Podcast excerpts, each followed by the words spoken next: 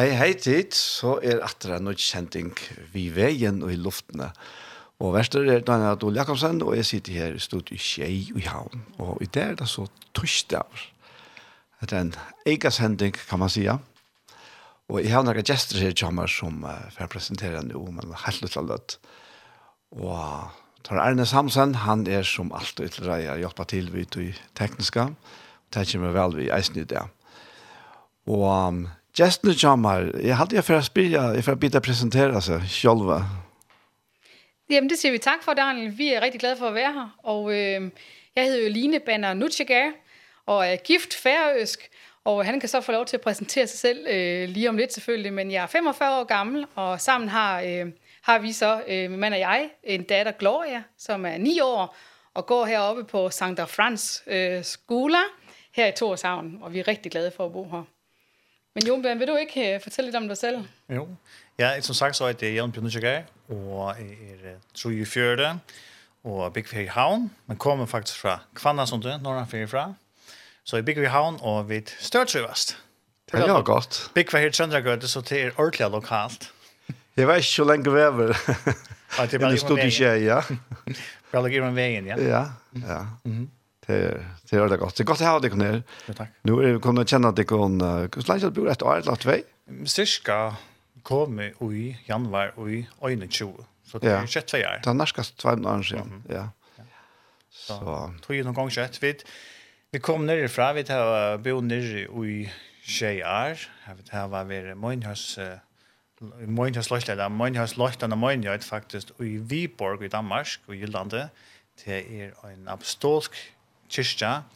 Eh, det er, hvis man skal forklare det kanskje for, for følgen, så er det at det er nesten det samme som en pinsakyrkja. Altså det er innenfor det karismatiske. Ja.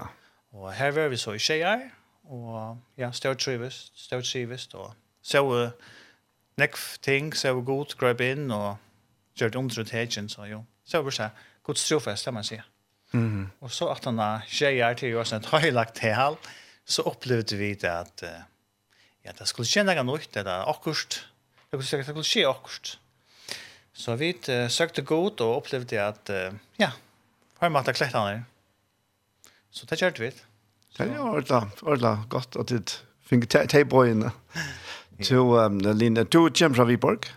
Ja, altså min familie og mine søskende, de bor i Viborg og Viborg-egnen. Ja. Oprindeligt er jeg fra Randers, det er ikke så langt fra Viborg, men, men der er Midtjylland, det er der, hvor vi, hvor vi kommer fra, ja. Okay. Ja. Men det som er så hugsig er, du kommer fra Midtjylland, og han kommer fra en lille bygd norrlig i for Jon Kvannasunda. Hvordan uh, gong det fyrir seg at tvei finner sammen på den måten? Ja, det er, vi tar vært gift, jeg har gift to jar, og hvis vi jeg tølv var at det tøyna, så, eh, så møttes vi faktisk i Danmark, i, i her, Gingje Brubskål, Danmark, som heter Apostolsk, at det er et apostolsk høyskole ta, det er bibelskole kalting, som jeg føringer her vil ja, og kjenner til. Og jeg har faktisk vært, jeg har vært en, en, en tur ute, og jeg, jeg bor mye i Sønne tog, og var alt i Danmark, og heller ikke bruk for det at Ja, jeg bare være sted kanskje her, det kanskje være tilbyen til, det være sin det boldra litt, sted som jeg er i, og så fører jeg til bibelskolen, og bare til å være i gods nærvære, og bare være, som man sier, bare være her da. Mm. Eh, og ta være lina faktisk her, hun eh, arbeid som lærer på skolan. Så det er faktisk her, det blir jeg faktisk så løs, nei. Så still jeg rålet, og ikke garvilt. Nei, det er sant, ja. Ja. Ja, og her er det tid. Så sier jeg det nå, ja, ta det bare at han er. Ja, ja, ja. To, men, men hvis vi lykkes blir til om, om hver sammenheng kom du ur i fargen, Jonas og Antalion? Ja, det er, altså, jeg er ikke så litt i i Klagsvøk, og i nekvar, annars er alltså jag ser innanför innanför kyrkna där falska kyrkna där ja kyrkna och så där så kom till för så också är att kanske så förgänka vi var helt där så det glada klax till som passar väl till det som mer domte och det som är som sökt det så där. Mm. Så det blev så här så det glada klax och vär här och ja faktiskt alla tog men jag bor i förr men vi är i förr så alltid vi en parti att då. Mm. Okej. Ja. Du kan inte vi flott nu nu bygga så i havna men det är väl norr så där som vi är här efter. Ja. Eller det det kanske landa fast, ja? Eller var det inte det men det var snubbigt att ha och så utan parsa och city church i ha. Mhm. Akkurat. uh, Lina, du du har också fortalt i eisen i samband vi tyna bakgrund och sånt. Ja, men altså, måske kan jeg jo fortælle, at øh, da Jobjørn og jeg så øh, fandt sammen og blev gift der i Kolding, jamen så blev det faktisk meget levende for os, at det var rigtig vigtigt, at jeg også øh, lærte Jobjørns baggrund noget bedre at kende. Altså, øh, vi kommer fra to forskellige steder i verden, kan man godt sige. Øh, så, så vi valgte faktisk at flytte sammen til færøerne, lige umiddelbart efter vi blev gift. Vi flyttede til Klaksvik, og vi blev en del af Solid Glorious arbejde, boede i bygningen og var faktisk medarbejdere i, øh, i menigheden der. Og det var et rigtig godt år at starte ægteskabet på, have tid i bøn, have tid i fællesskab, være i tjeneste sammen og og liksom øh, for mit vedkommende at kunne bo der i Klaksvik og lære øh, Jonbjørns familie og hans baggrund at kende, forstå den kultur, som han er opvokset i, og som han er en del af, som nu så også blev en del af mig. Så der, der blev virkelig lagt sådan rigtig godt fundament i vores ægteskab allerede dengang tilbage øh, i, i Klaksvik og i Kvandersund i den periode. Og, og det var også i den periode, at vi så fik vores datter. Hun er, hun er faktisk født her, Ej, øh, her i havnen. Så selvom vi har boet de sidste ja, forgangne syv år i, i Viborg, jo, så har, har vi alligevel i familien dybe rødder allerede her, her og føler os allerede hjemme her. Jo. Mm. Mm. Men är det några vi för John Arden tid till vi var blir gift? Alltså vi ja, vi ta tröna och bara buskan kalling. Ta vara ett team här i John var klaxök. Och jag tror nu var i buskan och och kände för att Mönjheten så så så kom teamet till Klaxkar och där var så då tar väl linjen en par och sen var vi försäljde öron international och så var det här måste vara en vecka eller touch till eller så. Okej. Ja, jag hjälpte till och jag gjorde det som vi är här fyra månader och då är det ungefär unga och bötterna och sådana. Ja. Han känns det faktiskt. Ja. Jeg ved ikke, Jon Bjørn, om, om jeg kan udfordre dig til at fortælle lidt den øh, oplevelse, vi havde ved en konkret, øh, ved en konkret øh, gadelygte ude i Kvarnersund. Jeg ved ikke, om du øh, ved, hvad jeg refererer til, men hvor jeg fortæller, hvad jeg ser med mine øjne omkring Kvarnersund og det sted derude. Ja, det er man kan jeg sige, ja. Det, øh, ja, tar man kanskje er, er oppvaksen av sted, så, så ser man kanskje ikke så att tar man vänner vi är sted, så är det något ting som man inte ser det blir blända så där det bara så så är det alla sen några mycket det är där. Mm. Och så kanske kan det sånt jag kanske inte haft det allra bästa år ja så det vi då alla för en gång snack.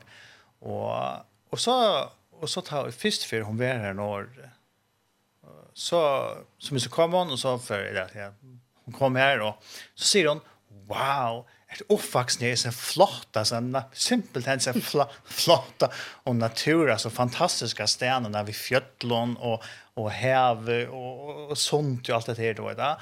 Och ta halt det eh, som egentligen kanske se mer liksom det blir öppna kanske en wow då att som först en wow effekt allvarligt som att tycker Øst att det är gott kanske video just när jag söker det här är visst här det är du er fra alltså det är ett privilegie, alltså är vi uppvuxna så är det tror jag du hever naturen, du hever att Gud skapar vars hur fantastiskt underfullt det är. Eh och det alltid är är är er, några som kan ansa kan säga skvär man kommer fram men men man man man kan blöja så säga man man ser man ser inte tingene. Eh tror jag att ja man vill inte av. Også i forhold til det emne, som vi skal tale om sammen om lidt, Jan, eller omkring det profetiske, så synes jeg måske, det her også godt kunne være et eksempel på det, Fordi at her kommer jeg til et nyt sted, og øhm, uden egentlig at være nødvendigvis så bevidst om det, så taler jeg ud det, jeg ser, og taler det frem, og taler det op, som jeg ser. Og det var rent faktisk med til at gøre en forskel i Jonbjørns liv, fordi jeg var ikke klar over, hvordan han så på det sted. Jeg, jeg kunne kun berette ud fra, hvad, hvad jeg kunne se jo. Og da jeg så fortæller, hvad jeg ser, og sætter ord på det, så forvandler det jo noget ind i hans liv. Og fra at øh, han ser det på en måde, så ser han det radikalt på en ny måde, efter jeg har talt de ord ud. Mm. Og netop når vi skal tale om det profetiske om lidt, så det synes jeg egentlig, det her det er et godt eksempel på, hvordan at det, vi taler ud af positive ting, er med til at skabe det, som vi netop taler ud. Og det kan have rigtig stor betydning for de mennesker, som vi er sammen med. Og kanskje også til at det kan til til det her er jo alle til verier, da? Altså, det er alle, alt, til være bare fremme for egen, og så ikke det slett. Akkurat. At det er ganske vi ødelen løsens vidskiftene, og det er kanskje også vi, vi som profetiske, vi skulle ta oss om, at det, det er jo bare her Mm -hmm. Alltså det är inte bruka ut, ja. Det det är vet jag det är en god skava bara framme för egen av det. Särskilt det särskilt det eller kanske också vill du så inte det eller vill du så inte det. Ta det som är presenterat för dig och då här finns ju upp med egen, och så särskilt det. Så är det twin så det måste jag inte kan bruka det till. Vill jag så så inte det positivt eller vill så inte det negativt. Akkurat, ja. Mm -hmm. Ja. Men uh, nu kommer det så lyan en att ja. Det är ett annat som händer nu uh, kommande frutja det och lejer det. Kom du förklara kvärt ut det är för näka. Ja, det är. Ja, det må vi heller, for det spiger simpelthen så meget i os, at det bobler over. Vi kan ikke vente med at komme i gang med at fortælle hele færgerne, hvad der sker. Fordi det er ikke nogen hemmelighed, at vi er i gang med at starte et profetisk netværk her på færgerne, og hovedformålet er bare, at man kommer sammen som kristne, på tværs af kirker, på tværs af aldersgæld, på tværs af alt, hvad der måtte være af gæld, kommer sammen i enhed, for simpelthen at styrkes, trænes, udrustes og forløses i det profetiske. Og vi kalder det bevidst et netværk, fordi vi ønsker, at det skal være et netværk af relationer, hvor man har tillid til hinanden, fordi alt, der har at gøre med det profetiske, trives bedst, der hvor der er tillid, der hvor at der er kærlighed, der hvor der er åndens enhed, der kan Guds ånd øh, være til stede, og det er bare øh, en sandhed, altså det er bare nemmere at høre og modtage fra ham. Og øh, det, som, som skal ske, som vi står lige på trapperne for at opleve, det er, at vi kalder sammen til et, øh, ja, altså faktisk øh, en nordisk profetisk skole.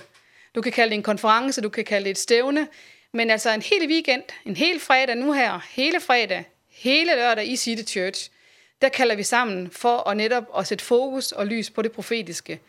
Og det handler ikke om, om du er øh, en vant til det profetiske, eller, eller du er helt ny i det. Det er underordnet. Der, det er simpelthen en weekend, hvor der er plads til, til alle, Så om du er nysgerrig på det profetiske, eller allerede, eller allerede tjener i det, så det, kan det her godt være en weekend, der kan være med til at hjælpe dig videre ind i forståelsen af det at høre fra Gud og virke i det.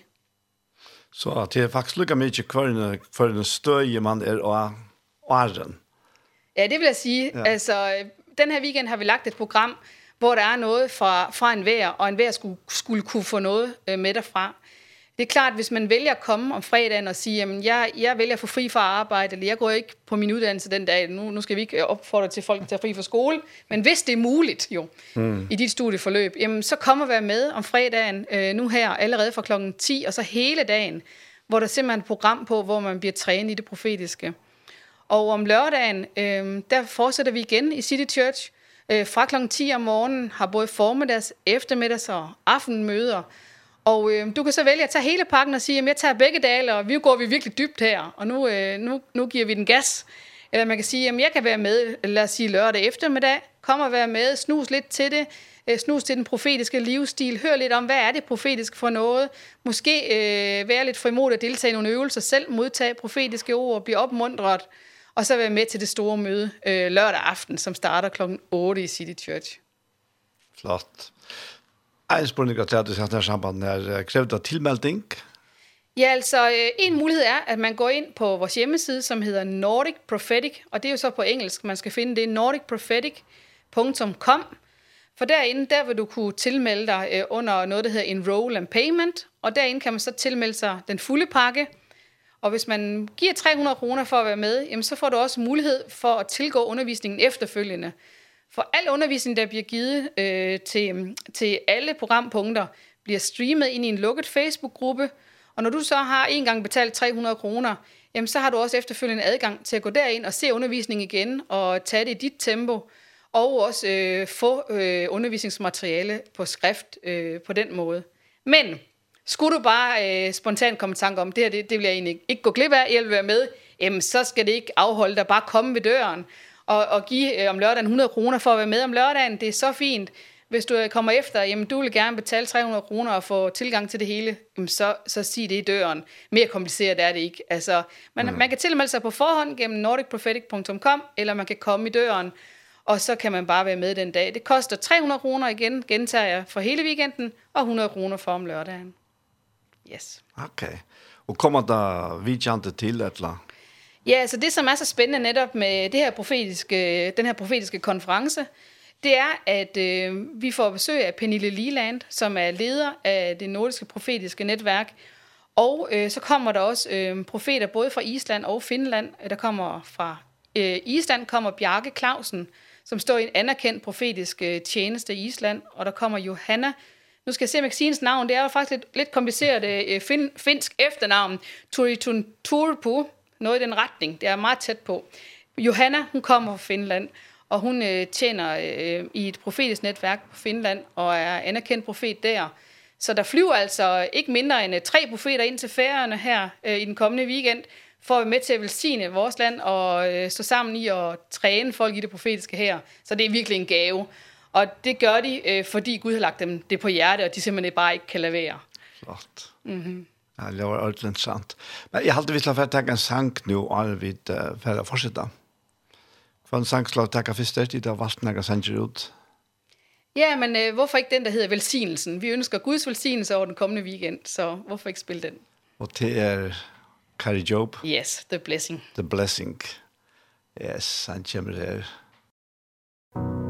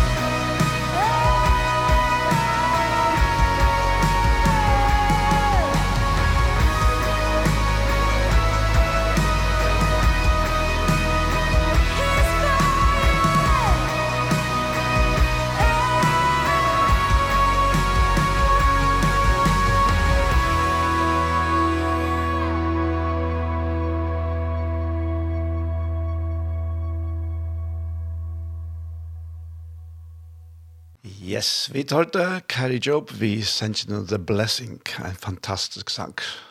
Det er helt sikkert. Kan du si noe om andre sangen? Jamen altså, øh, jeg synes jo selve den øh, agnitiske eller øh, øh, velsignelse er rigtig vigtig, altså øh, i, hele, i hele betydningen for os som, som kristne, men også, også øh, for, for landet. At i alt, hvad vi gør, jamen, så taler vi velsignelse ud. Vi taler Herrens velsignelse, må Herren velsigne dig og bevare dig, må Herren lade sit ansigt lyse over dig, og må Herren være dig nådig. Og jeg tror, at, at det at kunne tale velsignelse ud, det skaber det, øh, som det bliver talt. Mm. Så hvis vi taler godt ud, at vi ønsker godt, og vi taler godt ud, så skaber det det, når vi siger det. Og jeg synes jo netop, at den her sang er, er, er, er vigtig, også når vi taler omkring det profetiske, fordi det profetiske handler netop om, at man, øh, man taler ud til opmundingsstyrke og hjælp. Og alt det, det kommer ud af Guds overflod og hans velsignelse. Så derfor synes jeg, at den her sang også er relevant, netop for det emne, vi snakker om i dag. Ja, ja. Tjo, men uh, uh, nu får jeg spille som han som ikke vet, ja. Tøy, uh, nu kjenner jeg godt at jeg først skal kristelige landslæger, ja. Og jeg vet til at det er ikke så vanligt for uh, de fleste føringer at ta seg så åpe om profetiske tjeneste som de gjør nå. Ja Och att ta om att profeter kommer till landet och så där. Det är uh, kan du förklara oss ikke mer om hva det är vi er sånne her, vi är så profetiska tjänarna. Alltså det är ju tät alltså att höra från god, ja och liksom som Jeva vi är alltså vad man säga en hälsa från god ja eller tacka ver i mistänk ju eh det kanske ösen här halt det kanske i förjun kanske att som kanske driver nekvast än en vit profetiska som vi som är för värsta lagt mig i hjärta att att det här kanske vi brukt för och i imska sammanhang kanske det mera karismatiska att mer frikyrkliga och kanske det här kanske vi synter kanske just på synter övusa mata vi först kanske. Och tog här man kanske ösnen teachers inte frastö frat Og kanske vart kanske lagt att lyssna till loka tog jag att det kanske hever, Mangla sin jag visste om vi första. Eh, vi visste inte tog som är vi sagt och vi görst. Och det det spelar för men det är också nära stanna men men det är små man gjorde något tog att nu har vi lock lock vi ligger nu luncha att nu är tog till att ta låt om man är. Och så checkar det här är tog att det är ju en Guds tjänare och det är verkligen några människor som är kallade till till att vara profeter. Gå till kallade sett så en fingrar med sig några människor till att vara profeter och så ösen till att att några har en profetiska gåva till ju två imis ting. Ehm alltså profetiska gåva till till uppmuntring, man kan uppmuntra eh en annan person och i på imiska mat vi åren och kanske vi ger någon vi mynt och kanske såja i vi kommer ja. Eh så det kan det kanske det som eller det det som ja, ikke kanskje, men det er til at at jeg vi nå største det her opp, eller vi største det samme vi god, ja, er at det vil gjørst på en sånn mat og en ordentlig mat, at fundamentet blir lagt. Mm -hmm. Så det ikke vil, ikke vil gjørst høres når jeg følt kanskje blir særa i alt, eller kanskje komme ut for noen kjeljene. Ja, det vil jeg gjørst på en god og sånn mat, og tog tog var just det att i Danmark för exempel här heter vi på samma mat innanför det frikyrkliga innanför pinsa menigheter och i för apostolska kyrkorna att det här viska väl för men det bara blir som du skojft eh jag tror det är människor och vi människor fejla och och vi till kött här dockra fokus vi ganska flott fra god i rock and shoulder vet du att att du här kanske att du är ständigt tjänas för god jag så kvärt är så så vi öle kött så kommer kött fokus att här människan söker att som person inte söker god eller inte söker Jesus det ska vara Jesus att det det lukar mycket för er och kan vita ja. Det handlar inte om mig det handlar faktiskt om Jesus att det handlar om han. Allt handlar om han. Og det handlar ikkje om meg som person. Og tog er det at kanskje til at det færre skofte først, vi til at det vil først nek uh, fokusere på personer. At han sier, at hon sier, nu kommer hon, nu får jeg lust at hon eller han er. Ja? Det er faktisk ikke det, det er Jesus det handlar om. Så det er kanskje, hukse i øyne, det er kanskje mat av at prøve seg selv, testa seg selv, og det kan jeg også si at vi kjønner, det, det skal gjøres en gjerne først, hva fokuserer du på? Er det personen eller er det, er det Jesus? Ja? Eh så det här är att det ser människor komma nu istället för precis ner Klaus Björste Klausen från Osland. Han var i förra sommar. Han var i Sjore. Han fick faktiskt han fick faktiskt en dream men han var i Osland om om om om om, om han fick kanske ett år och Sandvika alltså god tal om vad som är Sandvik och han huxar Sandvik där var nog i norra. Så han prövar googla det till Sandvika till något som norskt. Akkurat, ja, det är så här. Ja. ja, så han har nämligen googlat det här och han säger han har finns en dream här, han sa han är kyrst, han är folkkyrst. Och, och det han som kanske googlat det så var det inte det i norra som är ett samling, men så var det faktiskt Sandvik och sors. Mm -hmm. Så han var vi en team här sommar och det var nere i Sandvik och Sors, och, och, och bo samman och, och verkligen var det uppmuntrat för det som är här nere. Det er godt å ha lagt detta med hjärsta. Mm där finns det for en här teamvig og, og där var den där amerikaner vi faktisk, og ösn for, ösn i jeg husker til at, at, at förstå det at, at, at mennesker virkelig kom ur Amerika ser vi jo som det var i storstaden i Amerika ni till Føyer, og så til Soria Og så lukta bygd og i samling Soria Jeg var signat da. Jeg god vill att löjer människor han landa länka veien til at vi är oppmuntring og til å være signa og be för Jesus er til å se som profeter gör. Här får her så god kallar han. Och alltså och hade jag varit ett urslut av en sån profetiska inspiration. Ja, han har faktiskt haft en en dream, god att en dream, va? Och han är så sannolikt. Og han, jeg måske kan ja. tilføje, at han, han var villig til at tage sted alene, faktisk. Han var villig til at tage til Sandvik og, og tage til det sted, som Gud har vist ham for at be, fordi han vidste, det var det, der skulle til. Men da han så øh, fortæller nogen om det, så er der bare med det samme, øh, var det op til 15 mennesker næsten, som koblede sig på. Rigtigt og vil med ham. Ja, så. og det synes jeg er interessant, fordi der, der ser vi lidt af frugterne af netop tjenester og embedet, hvor at vi taler i Efeserne omkring øh, de fem tjenester, apostle, profeter, evangelister og hyrder. Og de er kaldt til jo at forløse lægemet til at gøre tjeneste. Og det, det ser vi jo, at det virker over så, øh, i det eksempel Bjarki, at øh, han, han øh, hører ikke selv lidt for Gud, og er interessant på den måde, men når han gør det, så er han med til at forløse andre forbeder, forløse andre i, det, i den øh, profetiske tjeneste. Og det sker bare helt naturligt rundt om ham og rundt om hans liv. Og jeg synes også, at det er det, vi kan se frem til her i den kommende weekend, at når at vi skal have det her profetiske konference, jamen så gør vi det jo, øh, jo for at høre fra Gud, jo, ja, men vi gør det for at, og, øh, og være til stede for at forløse andre i det, sådan at hele Kristi læme kan blive oplært og trænet i i, i det, det mest naturlige jo, at leve sammen med vores far i himlen og høre fra ham i dagligdagen. Akkurat, ja. Men altså, vi, vi synes jo eisen um, i Korinthbrevnen at det er virkelig noe som man skal tro etter. Ja. Han sier her at 4 Korint 14 og fra vers 1 eller vers 1, da stevne etter kærleggene, trai etter en andalig gav, helst etter at profetera. ja.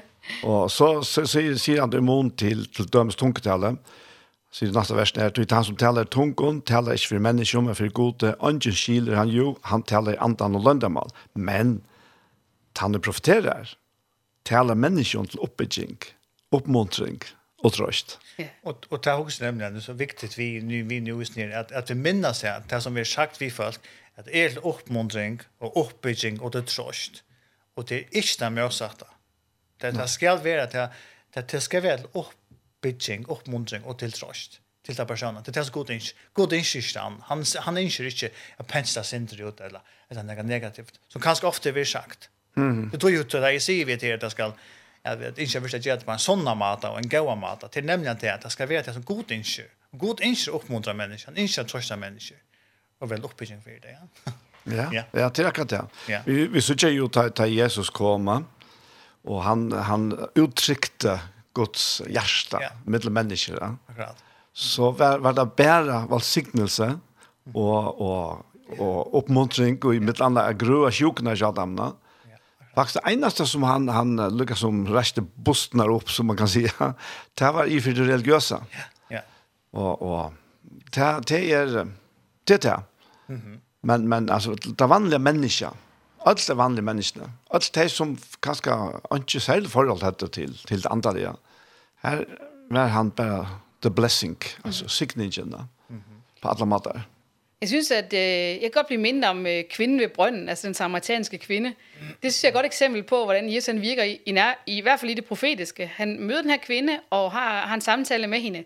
Og i samtalen, der får han sagt til hende, øh, at øh, jamen, øh, gå hjem og hente din mand. Jamen, hun havde ikke nogen mand. Nej, det har du ret i. Du har, ikke, du har nemlig haft fem mænd, siger Jesus til hende. Og den ham, du har nu, han er jo slet ikke din mand. Og, og jeg kan forestille mig, hvordan hun egentlig uh, umiddelbart lige føler sig to totalt blottet og totalt afsløret. Men det skal jo siges, at sådan en profeti skal jo ikke gives offentligt. Her var de jo bare de to derude, Jesus og hende. Og han udstillede hende ikke på nogen måde, men han uh, åbenbarede for hende, at han godt kendte hendes baggrund, og han elskede hende fuldt ud. Hun mærkede hans kærlighed. Og det, som det afføder det profetiske, det synes jeg er så interessant, fordi hun render direkte tilbage til den by, hvor hun kommer fra, og så fortæller hun, der er en mand herude, kom og mød ham, han ved alt om mig, og det er noget, han ikke havde nogen mulighed for at vide, og så vidste han det. og på den måde var, var det her profetiske ord faktisk med til at vidne om Jesus og bringe mennesker til tro på ham. For i kølvandet af det her profetiske ord, der var rigtig mange, der gav sit liv over til ham og fulgte Jesus efter den dag. Ja. Og hvis der er noget, vi ønsker med det profetiske, så er det det der med, at det må lede hen, pege hen mod Jesus, sådan at mennesker må få en åbenbaring af, hvem han er, hvor stor hans kærlighed er, hvor meget man kan have tillid til ham, og, og det så føder sult efter og følge efter ham og leve sammen med ham. Ja, ja man, man, man forstår det udfra i 14. kapitlen og i, og i 4. Korinther, at det alt handler om, det er at bygge likam, altså kristi likam og samkomne til kyrkjene, uppa og det vil til å si enkeltpersoner, at, at vi kunne fungere som, som limer og at nere likhamnene. Vi har forlåst til at, at tjene, tjene hverandre. Vi oppmuntrer hverandre. Det er altså, atmosfæren og i Guds rydtje, hun er alltid god, hun er alltid positiv. Det er, det er bare så. så. Jeg kan godt lide, at du bringer 1. Korinther 14 frem. Altså på den danske oversættelse, der står der, ja efter kærligheden og stræb efter åndsgaverne. Og det her ord stræb, altså det kan jo egentlig godt have en lidt, øh, i hvert fald på dansk, lidt en negativ klang, fordi at man ønsker ikke, at man skal stræbe øh, efter Guds nåde, fordi den er gratis og så videre. Det er ikke noget med at præstere noget. Men hvis vi dykker nærmere ind i det ord stræb, så har jeg forstået det som, at det handler om at kultivere. Kultivere noget gaven i dit liv. Altså, øh, gør, noget, en, gør en bevidst handling, for at de gaver, Gud allerede har lagt ned i dig, enten ved fødsel eller gennem livet, at de bliver fremelsket. Altså nu selv gør noget aktivt, for at de bliver kultiveret. Ligesom når man kultiverer jorden. Man må bearbejde jorden, for at der kan komme altså, nogle kartofler op. På samme måde må vi altså også i vores liv øh, gøre noget aktivt for at blive undervist, for at blive trænet, for at øve os i de her åndsgaver, så det kan bringe den frugt, som Gud har tiltænkt. Og det kan godt være i starten, det er lidt kantet og lidt klodset, og hvad så? Hvis man er i en kærlig sammenhæng, øh, så er der faktisk plads til det, sådan at det kan blive kultiveret, og det kan blive modent, og det kan være nogle frugter, som smager godt, når man spiser dem. Mm -hmm. Ja. Ja, man ser jo eisne forhold til Paulus til Timotheus, ja. Her, her sier han først vi han til at, at, at han vet om nøygavene som bor i noen, og som han selv har formidlet til han, så vi legger hendene over henne. Og, og seitene så oppmuntrer han til at kveitja oppatter det Nei, han har gavna som, som bor ut her, som han finner vi handa alle ikke henne eldste, ja. Så til er konkret på, på tamatan altså. Ja.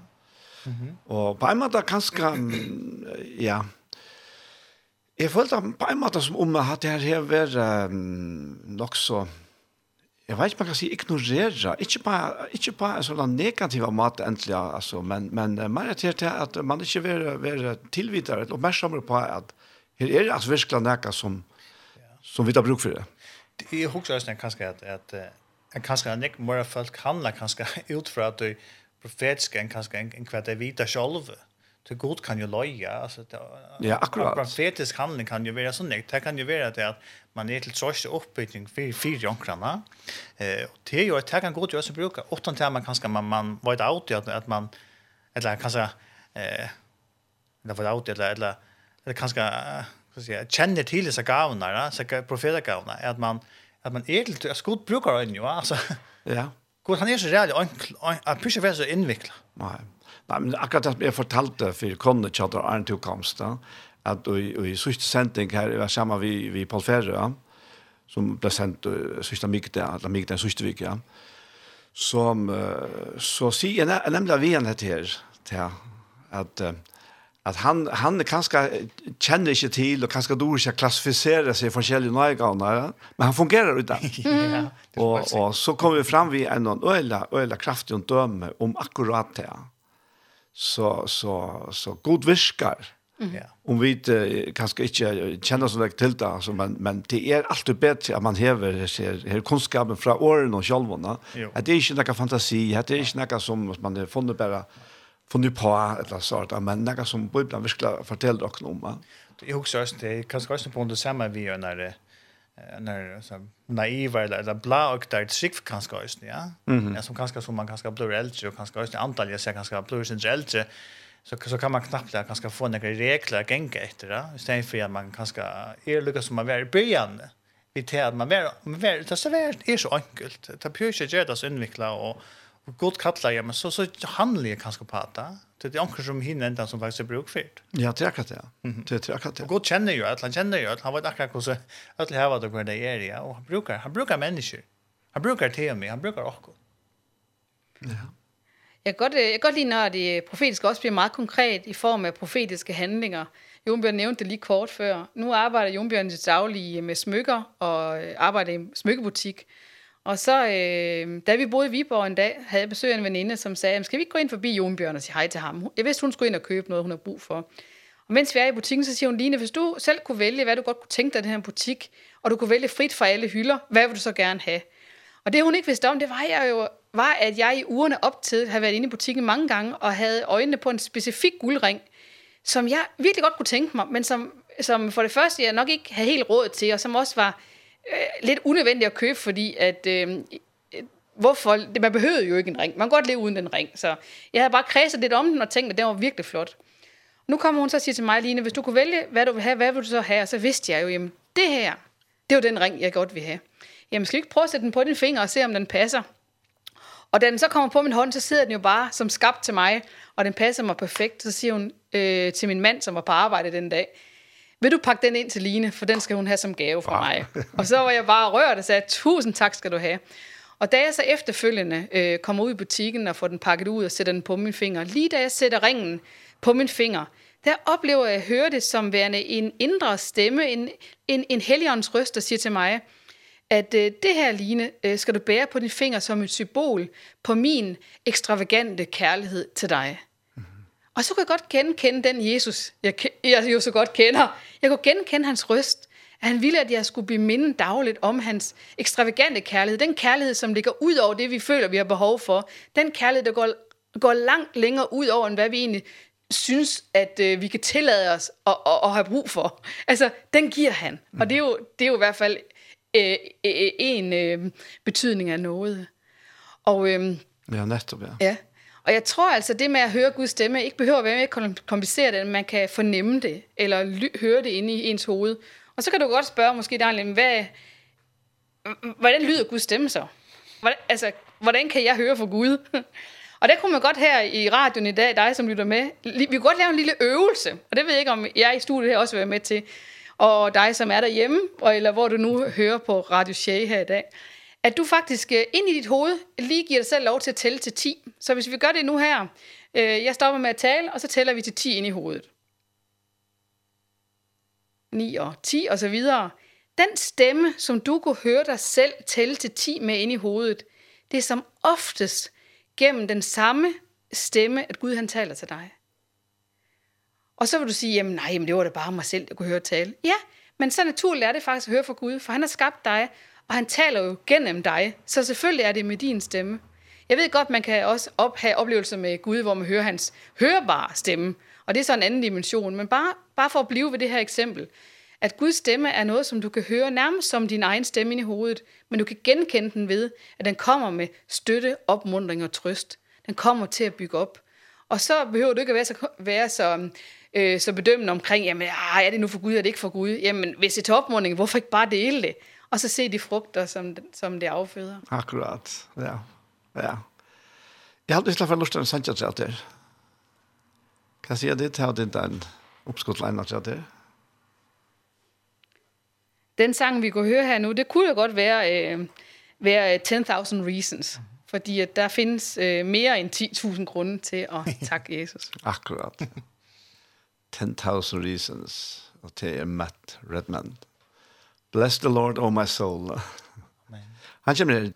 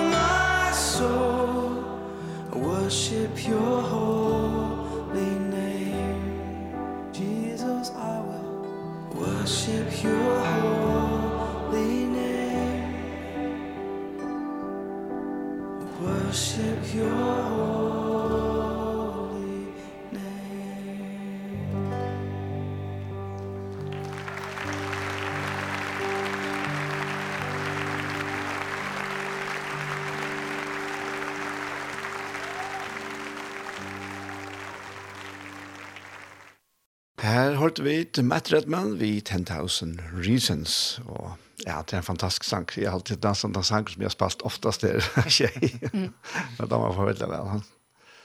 På alle måter går. Ja, til, til akkurat det. Um, jeg, jeg kom tankar om noe som jeg så opplevde selv i samband vi, jeg var profetstad, Um, jag har omgått betrakta mig selv som att uh, vara selv aktiv ute i profetiska gavene på tammatan att dela till folk så personliga. Det kan ofta mer vara ute i um, det er som är tås, ja. Känner att at anden har inspirerat mig och så, så tås jeg det, och det, det talar ofta till folk. Ja. Men uh, nu för några år sedan till sig att det är i åtta år sedan, det var några år sedan, det här är Jack Fyrsen, så så sier, så kommer uh, Gjørts og Daniel av Vidjan her i uh, City Church, ja. og det hadde vi omgått oppleva før. Det bo i England ta, det bo her i, i uh, mer enn tre år, ja. og um, det kommer så, og takk, det er interessant, det er interessant, og, men jeg, også ikke øyne ikke mer om det, det er så kommer møtet han sånn morgenen, ja så kjente jeg bare så øyla kraftet et eller annet inni her som, som, som pressa i å innan øymer, ja.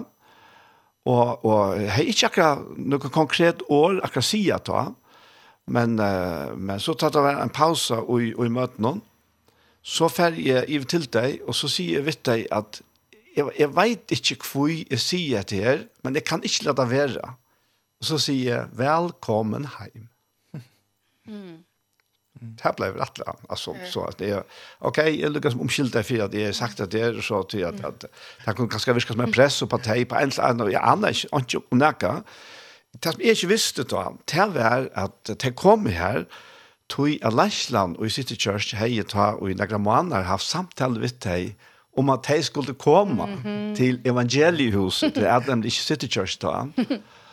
och, och man gör det som så tala, Og hon først på betale, og etter først hun sier er at uh, her de kommer i samkomne her Bradford, at da, da først at du sørst, at da beint du pyr horen inn i salen, her stender det skiltet, welcome home. ok, så er det bare det jeg følte også i samband med igjen. Og så gikk jeg tvert ikke mann her, og så tar jeg faktisk samband med han der, til lovfylte trusja. Så kommer, kommer døtteren og mæren her og sier til, til å fortelle dere noe det här var nutcha etta och vi tog sig på den okej okay, så nu är det fjärde av er. Då det sån nutcha etta. Nej nej nej, det är inte det där. Och så så säger så säger dottern vi åkte till där där där som skulle förhända till att jag gjort så då skulle komma till evangelius i augusti månad till år alltså som det vi har mött i februari månad och jag har sagt att det visste jag. Och vi snackade alltså fram med det och vi var öliga glada för det och så så förresten pappa säger hon Jeg har ikke spurt om, om jeg har fortalt deg noe om at det skulle komme. Det er jo døtterakker en part av lesen og vet det som tar han. Og så sier hun, nei, hva sier du til? Nei, til at pappen kom til akkurat og sier velkommen hjem. og det kjente vi faktisk alt som er stærfestig om. Hette her er, hette er det rette. Og det har også bare kjent fruktene og så igjen. Ja, ja. Så. Men det er jo netop det, det profetiske, det gør. Når det kommer ud af ens mund, og det nærmest overrasker en selv, så kan man næsten godt regne med, at det her det er fra Helligånden. Nemlig. Når man siger noget, man ikke som sådan har været bevidst om, eller planlagt, at det vil jeg sige, men det er ligesom bare bobler ud af en, ja. så er det mange gange inden for ens ånd, det kommer jo. Inden for den øh, Guds ånd, der bor inde i os. Mm -hmm. Og så øh, bliver man selv overrasket, og man kan se, at dem, der modtager det, de bliver enten rørt, eller overrasket, påvirket af det, der kommer. Ja, ja. Ja, ja, akkurat. Og men tei dot øle vel halda masken at ta, så. okay. Jeg, jeg slår ikke. Så jeg har faktisk glemt å ta og i. Tei, vi finner sier det. Gleili tøynd om at tei skulle komme. Nemlig. Og det er virkelig, virkelig først til øyland jeg var sikninger. Jo, ja. helt sikkert. Det er det. Nå var det jeg knappt som fortalte, men... Uh, Jeg synes, det er stærkt at høre og opmuntrende at høre. Og jeg tror, at det er netop det, det handler om også at være i netværk. Altså det, som du gjorde nu med at dele med os, jamen det opmuntrer os og styrker os i troen på, at det, jeg kan høre fra Gud, det batter noget. Det gør faktisk en forskel. Og netop når vi også nu her den kommende weekend skal være sammen i City Church, øh, i både fredag og lørdag, omkring det profetiske, så kommer vi sammen for at opmuntre hinanden. I har tillid til, du kan høre fra Gud, fordi du tilhører ham. Og der står jo i Johannes evangeliet, at mine får at høre min røst. Så det betyder altså, at vi er skabt til at kunne høre hans røst, og vi er skabt til at kunne øh, være ledt af ham. Og, og, og hvis nogen spørger mig, jamen, hvorfor mener du, at øh, det profetiske er vigtigt for menigheden i dag, som jo egentlig er et stort spørgsmål, jamen, så vil jeg sige, at det er faktisk, øh, jeg, vil, jeg vil våge påstå, at det er selve øh, livsnerven i menighedslivet. Og det er det, som er det helt altafgørende for, at øh, menigheden kan være levende og virksom at det er faktisk, at vi kan være hans for, der hører hans røst, og formidler den videre til mennesker rundt om os. Mm. Ja. Ja, men det er så, det har lagt så mest til, altså, tjenestene og gavene er jo imenskere, ja? det får, får jo klart og tydelig å vite. Men man ser så tydelig at det er, er mennesker som har, har seg selv gavene, at oppmuntre ånder vi beinleis åren til, ja. til, til mennesker. Ja. Og så også det god, kanskje, med det vi, man sier kanskje det er profet, vi at att höra god stämma, ja. Men men men god han talar ju i mes till och på för i mes an på hur vi han ju skapt dock så visst man kan ska en som ek för exempel alltså att vi ska ha uppmuntra ankrarna visst det hade är en kan innanför profetiska så är det ofta i mynt och han han han vill jag tror ju nu är en alltså jag fungerar jag visuell personer alltså är så ofta i mint och boilet och att det här ofta det är kanskje ikke øyne som kanskje har mer år, mer til år, kanskje er her det kommer vi årene, og så kanskje en annen som har vi gjør om. Vi gjør en kanskje ikke snakker sånn deg. Det er tannmaten som god kan være, altså man kan, man kan være fire øyne, god ikke møte mennesker. Det er alltid man skal også minnes til at det pøst ikke, det andre hvordan du er. Alltså ska jag vara åh det ska jag vara vi år och längt hela eller så tid till skick det är så just nej. Det god han han han han han brukar också imus man skapat och det vet jag öll imus kan vet det alltså till och med jag forskjellige människor i världen som det är folk, alltså som det är människor. Och vi fungerar i med så god han är fantastisk att vi har skapat oss. Derfor kan ja. vi også se frem til her i weekenden ja. om fredag, fredag aften. Jamen der er Bjarke Clausen fra Island på. Og han er en udbredt seer-profet. Det betyder, at han er en, der ser og drømmer meget. Han er det, man karakteriserer som sådan en gammel ørkenprofet. Han går ud i ørken for sig selv, og så kommer han ud med et budskab fra Herren. Eller, du ved, og han oplever tit uh, tegn og, og under Og noget af det, som vi kommer til at opleve ved hans tjeneste, det er netop øh, det, som vi beskriver her med syn og med, med billeder og drømme osv. Og Hvorimod, at øh, hvis man vil øh, læne sig op af Johannas tjeneste, Johanna fra Finland, som også kommer, men så bærer hun meget på øh, en dyb forståelse af vigtigheden af, af, af, af de jødiske traditioner og det hebræiske, og ud fra det bringer en profetisk forståelse for den tid, som vi lever i i dag. Og noget af det stærke, som hun også bærer på, det vil vi komme til at opleve lørdag aften, hvor hun øh, kommer til at sidde ved klaveret. Hun er konservatorieuddannet og øh, lyneskarp inden musisk, øh, men har så en salvelse for Gud øh, over sit liv til at bringe øh, Guds nærvær, når hun, øh, når hun tilveder og leder en forsamling i tilbedelse. Så, så igen ser vi her forskelligheden, og udtrykket er forskelligt. Eh Pernilla er utrolig stærk Pernilla Liland når hun taler med med ord. Hun er det som hun fungerer i noget der hedder Narbi flow, som er lidt en teknisk, altså en bibelsk også betegnelse for, at man, man kan bringe noget profetisk, hvor det pludselig bobler over. Det vil sige, hun kan på forhånd ikke vide, hvad hun vil sige, men når hun vil betjene et enkelt menneske, så åbner hun sin mund, og når hun så begynder at tale, så kommer hun ind i det, som er Guds tale, ind over det menneskes liv. Mm. Og der, der, der deler hun altså bare i et flow øh, øh, indsigter og visdom, som hjælper det enkelte menneske. Så, øh, det vil vi komme til at se, tror jeg, lørdag aften i City Church, at når Pernille er på, jamen, så er der mulighed for, at enkelte personer kan blive betjent på den her måde. Og det, det er rigtig stor, stor opmuntring, og det styrker virkelig ens tro, når man får så direkte en tale fra Gud. Jeg kan selv huske tilbage fra tiden før, at jeg egentlig blev præst i Viborg Frikirke. Ehm der oplevede jeg faktisk over en periode på tre år, at når folk de, sagde, de mødte mig, så siger de, Hallo, Pastor Line, eller Hej, Pastor Line. Og jeg tænkte, hvad, hvad snakker de om? Fordi Det var egentlig ikke nødvendigvis i min tale, eller i min tanke. Men bare det, at det blev talt ud om mit liv, var det med til at skabe noget, som jeg så senere hen kom til at stå i. Ja. Og det ved jeg ikke, om der er andre, der kender Jonbjørn. Du har oplevet det i dit liv, måske. Ja, jeg husker, jeg kanskje at at ankt kan det også være det ankt skal man kanskje også ha altså at at lut skup for kvars kanskje også ja. Eh i opplevde derfor noen som den andre som jeg var som var i førjen faktisk som Peter Protero som kanskje flere kjenner. Eh, han var vidja i morgenjøtna og i klakka klaksøyga og solgte gloria. Og ta gikk akkurat og huksa om hva jeg skulle vad ska jeg göra nu? Jeg følte jeg burde kanskje være på oppskola, eller vad ska jeg skal for bena i vad ska skal jeg? Og Lukas som var kanskje stagnera, og sin til midtelen ser bara stålande där att man vill gärna veta det, kjenne god, men vad känner han i vad hva ska hva ska hva inte och så var kanske kom den större kanske bäst jag stilt. Og jeg vet det var flere som var til møten til sånne, til sånne dagen, og så jeg klare slags vei, for sånn kom minnesdøysene. Eh, og jeg husker, jeg var kanskje, hva blir det kanskje minnesdøysene? Jeg var ikke til torre, eller sånn, antall jeg ser, som jeg kan si det, så Ja, det husker, ok, nå er det team med Danmark, og her, og en profeter som har profetisk år til omkran, Hej jeg har sløsningen i æren, och sånn, ja, jag är för möte men så vill jag få i en chock seg et hinne få. att det var så gick man möte och og sett ned her, han för på scen och han börjar sånt så hooks in med händer fan hooks nya. Nu är det, nu får ett ett år. Det är ingen som vil si, herre måste se mer. Alltså de gemma en, en, att skumpa det ingen ska komma vire, og, och tog som står fast, så følte sig fast, ja. Så gick han på mig så säger han, eh, så börjar han fisk hos øyne og alt det är forskjellige, och så säger han, Så sier han, tjej du det? Så sier jeg, det gjør det, altså helt ekstremt nek. Så sier jeg, det gjør det. Så sier han, ja, hvis god til lyfte løyja til her, så vil han østen tjejt seg.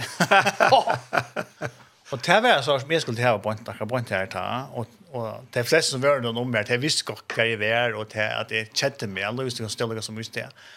Og det er som gjør det til er at jeg lukket som valgte, ok, nu blir det som løytløst, tenker jeg det samme, så får jeg skump på du vet, i atparsene, Ja, det är ju så valt det att att det är ju så färja, simpelthen av budskap. ah, ja. ja. Det var sån sort. Det kan då också brukas till, ja. ja. Akkurat. Men det var på en kärleksfull mat att det är här att hej bruk för jag få det här, ja. Eh. Och så som onkel som som sa att Natra kan man också välja serie men här är ju två ju jag väljer här då. Jag kunde välja blå sprell för närmare och allt sen för Natra som det är Gloria. Du nu hem ostet la mer för öllon i min hjärta. Ja.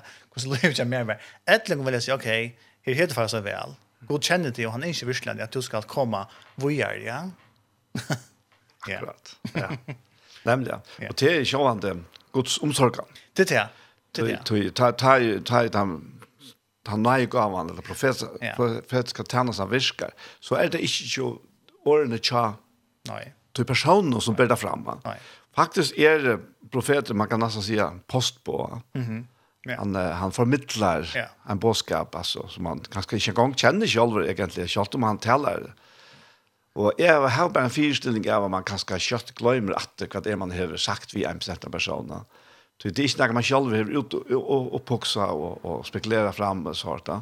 Men du förmedlar det från yeah. jöknen andan och i tunn andan tala det ut. Ja, men, men det är kanske lika som en sån ampo i Guds hand, eh, god brukarröjna. Ja. Och, och, och, och kanske som när man hever vi som Linus sa men Pernille Liland hever, att vi har vi åron att man, att man är en röskap, god nu är jag här, jag brukar med och så, och, så, och så tar man bara. Så kommer det att göra. det här är nämligen som Peter Prats och Östen där vi åren, den här, han kan vara öliga konkret. Jag vet att det är flera som jag finns år från honom, bäg följande nära stan är att, att det här är väldigt simpelt, alltså inne i situationen som han sett till vilket kan det vara näka som helst idé om uh, vad det sant och eller vad det var lätt. Och det var ju så att Guds omsorgan och det att det faktiskt är en god som känner allt och vet allt och insåg allt det bästa. Akkurat. Mm.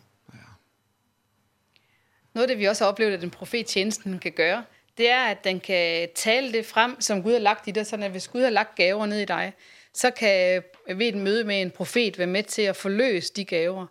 Og nogle gange, så skal der bare det her møde til, fordi noget skal ligesom brydes åben, kan man godt bruge det udtryk.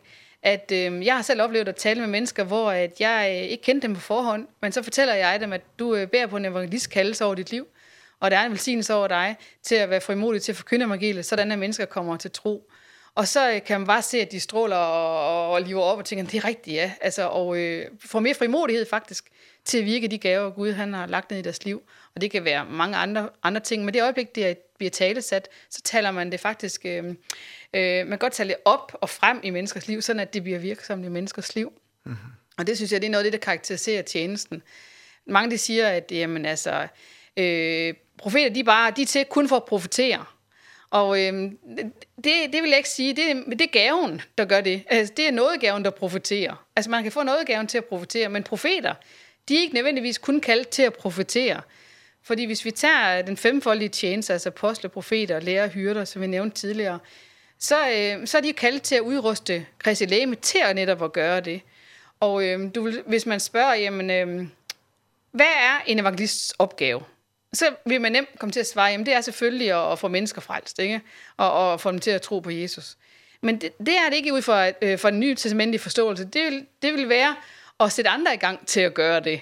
Hmm. Det er evangelisttjenestens ja. opgave. Okay, ja, ja. Og hvis man så ser på profetens tjeneste, jamen øh, er det så at gå rundt og profetere hele tiden? Ikke nødvendigvis. Men det er at motivere og øh, forløse andre til så at virke i det profetiske. Så hvis du øh, hvis du har lyst til, dig som lytter med her, har lyst til at virke mere i det profetiske, og virke mere i det, den gave det er at kunne høre fra Gud og være til opmuntring for andre, og være led af ham i dagligdagen, så prøv at komme og være med i den kommende weekend, for der vil du opleve at blive styrket i den her øh, tjeneste, og, og opleve øh, at være et fællesskab, hvor man kan blive forløst i at virke endnu mægtigere i det, øh, og være til velsignelse rundt om sig. Og så, og så er det også noget at sige, at, at det som förväntar till att man ska att det vill som ser ett trick om rammen. Man ska inte följa sig ganska bench för jag kommer till att hvis det nu er sagt eller just også, altså, men det blir ett sikker rammen, og, og du vet, det er allt det godt til å bryge, man bryger kanskje alltid ut i små, østene, ja, og her er det østene folk som, lukka, som kunne være veløya og guida, hvis det er, hvis man har spårningar eller man føler at man sender faster, eller man kanskje heller, kan ni det her? Alltså så kom bara komma vi vid till till till er ju alltså till till inte så hox pox eller eller några pressivt överhuvud. Vi har haft flere samlinger allerede i det profetiske ja. netværk her på Færøerne, hvor at vi har lavet aktiveringsøvelser, hvor man simpelthen er, har taget nogle skridt i tro, hvor man er, har, har lyttet for Gud for et andet menneskes skyld, og så set, at hov, jeg kan faktisk køre for Gud. Hov, nej, jeg regner slet ikke med, at kunne, men jeg kunne godt. Og den her aha-oplevelse, det er simpelthen noget af det mest fantastiske at man faktisk får sådan en uh, Guds tillid, i stedet for selvtillid, men en tillid i, at jeg kan godt høre fra Gud, og, øh, og det er super at, øh, gøre det gennem nogle øvelser, sådan at man bliver mere sådan, øh, bekendt med, hvordan man, man kan modtage budskaber fra Gud og give dem videre. Og her vil vi også lørdag eftermiddag have mulighed for at lave sådan nogle øvelser. Og så kan det godt være, at du tænker, at jeg, har ikke, jeg tør ikke være med til sådan en øvelse. Det er også okay. Der er helt frihed til så at sige, at jeg vil godt bare lige se på, eller så videre. Der, der skal ikke være noget pres på nogen som helst måde. Nej, akkurat. Ja, det var virkelig spennende. ja. At det här slå tack en sang chat og vi får runt av. Jamen så vil jeg foreslå, at vi tager øh, den sang, som Cody Keynes har lavet, der hedder Firm Foundation. At han er vores øh, sikre grundvold. Han er den klippe, hvorpå vi kan stå. Han er vores Firm Foundation. Mm -hmm. Cody Keynes. Ja. Han kommer her, Jersvald. Mm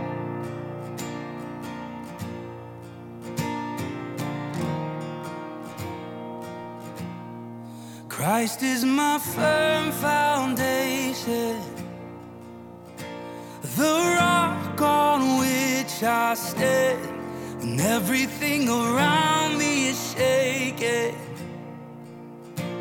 I've never been more glad That I put my faith in Jesus. Cause he's never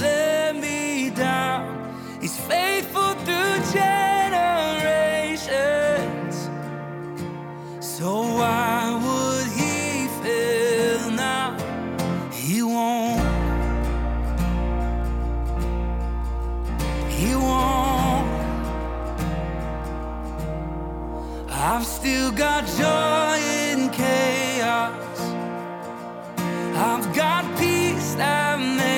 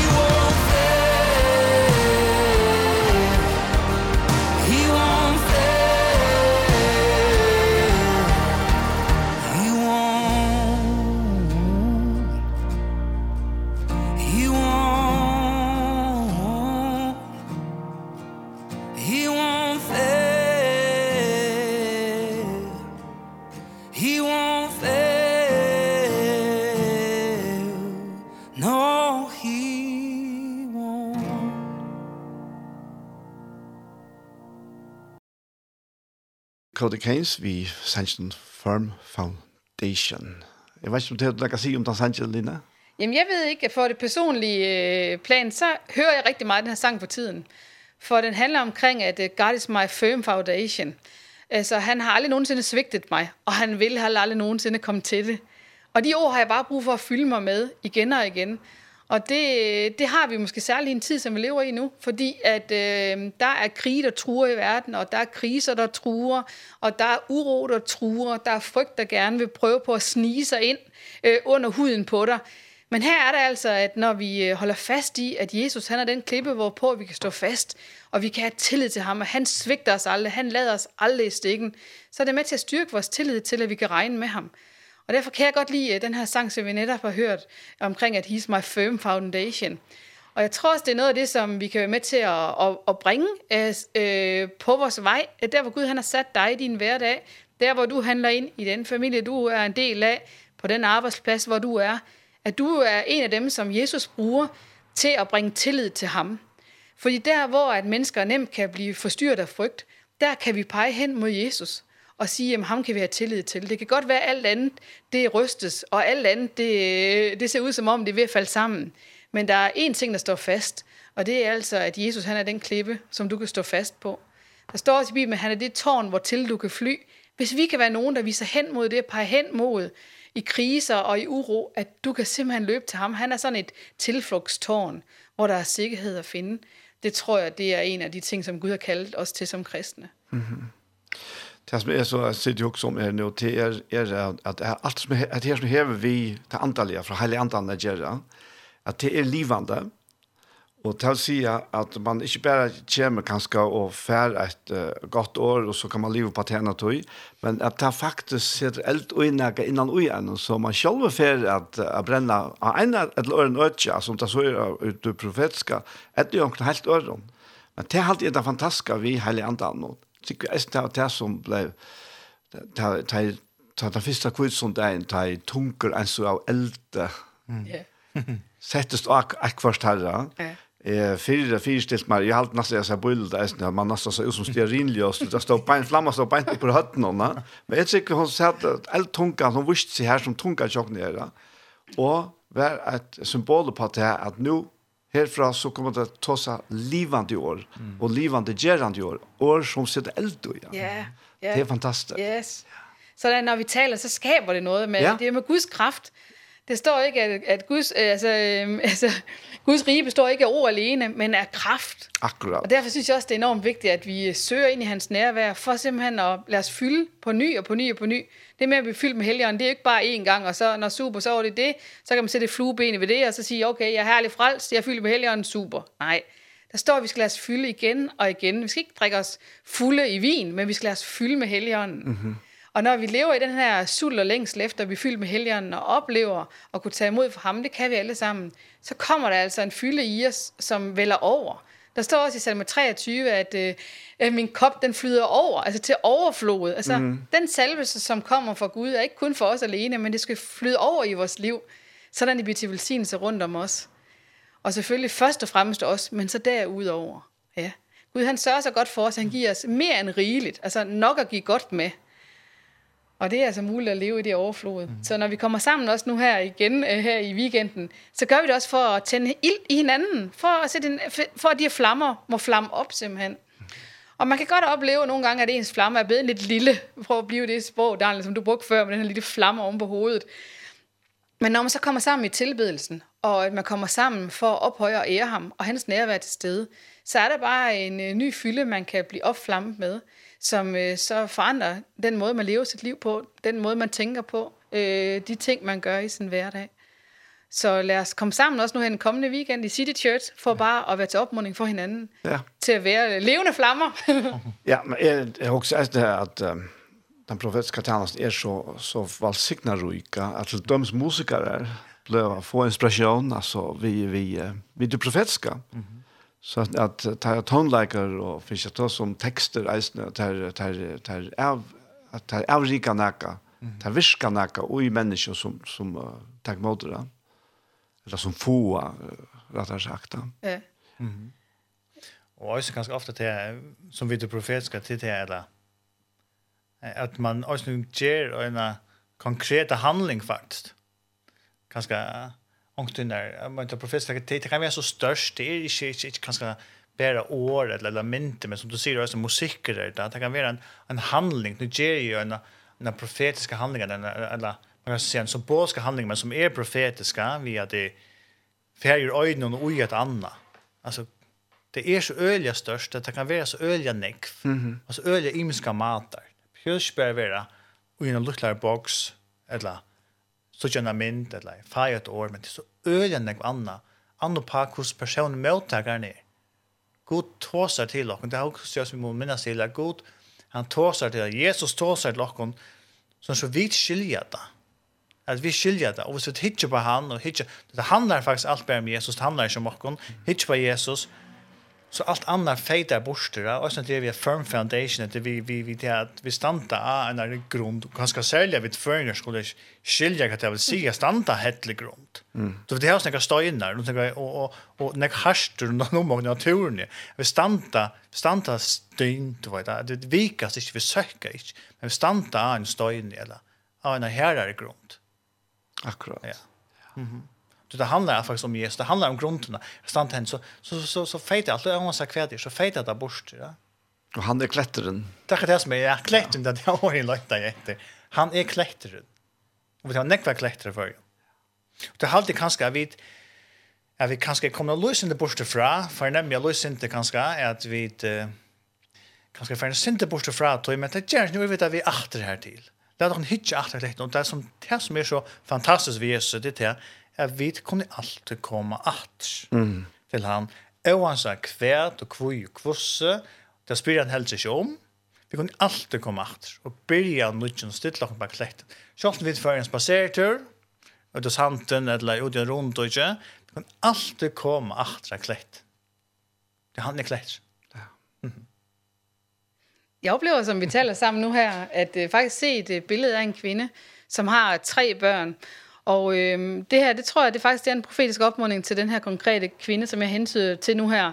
At øh, om du enten oplever, at øh, livet er så svært for dig lige nu, at du er i så dyb en depression, at du endda har tænkt tanken, at du, øh, det er jo nemmere, hvis du ikke var her, så oplever jeg bare, at jeg skal sige til dig, at Jesus har set din omstændighed, og at det er ikke tid for dig at give op endnu, fordi Gud fortsat har planer for øh, at velsigne dig, men også for at bruge dig. Og de børn, som Gud har betroet dig, de er afhængige af dig. Så jeg ønsker bare at tale til dig, som det her ord det er til her i dag, at øh, det er ikke tid at give op nu, men det er tid til at, at, at overgive dit liv til Jesus. Sig til ham, her er jeg, jeg, jeg forstår ingenting, jeg kan ingenting, men mit liv det tilhører dig. Og som du gør det, så vil du opleve, at Jesus han griber ind i dit liv på så en konkret måde, at du ved, at han ikke har svigtet dig, men han er stadigvæk er der for dig. Mm. Så her med den her lille hilsen til den her konkrete kvinde her. Ja, tak for det. Ja, men uh, hvis jeg lykker oppsummere det her til at det være altså, en, en rastøvne, eller støvne, eller konferanse, eller hva jeg kaller det. Og det være... Nu her kommende fredag den 28. oktober, og lørdag den 29. oktober. Hvad klokken vil jeg der? Vi begynder allerede øh, kl. 10 om formiddagen med møde fra kl. 10 til kl. 12. Og igen om eftermiddagen fra kl. 2 til kl. 5 cirka, hvor vi har eftermiddagsmøde. Og øh, fredag aften, øh, det jeg fortæller nu gælder også for lørdag, men så om aftenen er der møde øh, igen øh, kl. 8. Altså med aftenmøde med lovsang og med betjening og med, med undervisning. Så alt sammen foregår i City Church, og enhver vær velkommen til at komme og være med. Og kan man finde ind på Facebook-side? Og... Vi har jo vores færøske Facebook-side, som hedder Faroe Islands Nordic Prophetic Network. Og øh, inde på den kan man altså anmode om vi ven, øh, blive, blive lukket ind i den her gruppe, og der kan man følge, hvad det færøske profetiske netværk øh, laver af tiltag. Og det er også en mulighed at gå ind på hjemmesiden, der hedder nordicprophetic.com. Derigennem kan man også tilmelde sig det her, til det her stævne, medmindre man kommer i døren selvfølgelig bare og, øh, og deltager der. Men gå ind og find os på Facebook. Øh, vi hedder Faroe Islands øh, Nordic Prophetic Network. Mm. Ja, Bjørn, jeg tenkte om du kunne bena bøn sammen vi oss. Ja. Mm. Enda. Yes. Jesus, vi takker deg for det. Takker deg for Jesus. du er så stor, Jesus. Takk deg for at at alt er til i hånd til Jesus. Takk, Jesus, at du kjenner dere ut og inn til du har skapt dere. Be om at du... Uh, välsigna det som jeg sier, kommande vikskiftet det som för ske. Takk Jesus för sikna alt det som kommer Jesus. Tack för Jesus at att öppna våra ögon øyre og och görste så vi må söka höra og märka til Jesus så som to erst. Kærlek som fotler färger som inskir alt det bästa. Så du måste sikna det vikskiftet i Jesu namn. Amen. Amen. Line og Jan Bjørn, jeg får si så tusen takk for at du ville komme for å bo her, tjej og fortelle fra oss her rastøvne og æsne deile noen tankar om det profetiske. Selv takk. Takk for det. Og jeg må bare innkjøre kunne å gå av rastøvne. Takk for det. Ja. Så var hentet her sendingen kommet at enda, og i sendingen i dag så har vi haft uh, vidjan av Line og Jan Bjørn Nudjekar, som har sagt fra en av profetiske rasten som er i City Church nå kommande frutja der, klok fra klokkan 20, som er atlan frutja dagen og atlan leier dagen eisne. Henda sender ikke vi høyre atter i kvöld klokkan 6, og atter i morgen Arne klokkan 5. Så etter er prøvd å si, tusen takk for i hesfer. Takk for dere ting til ikke, ein så hansen.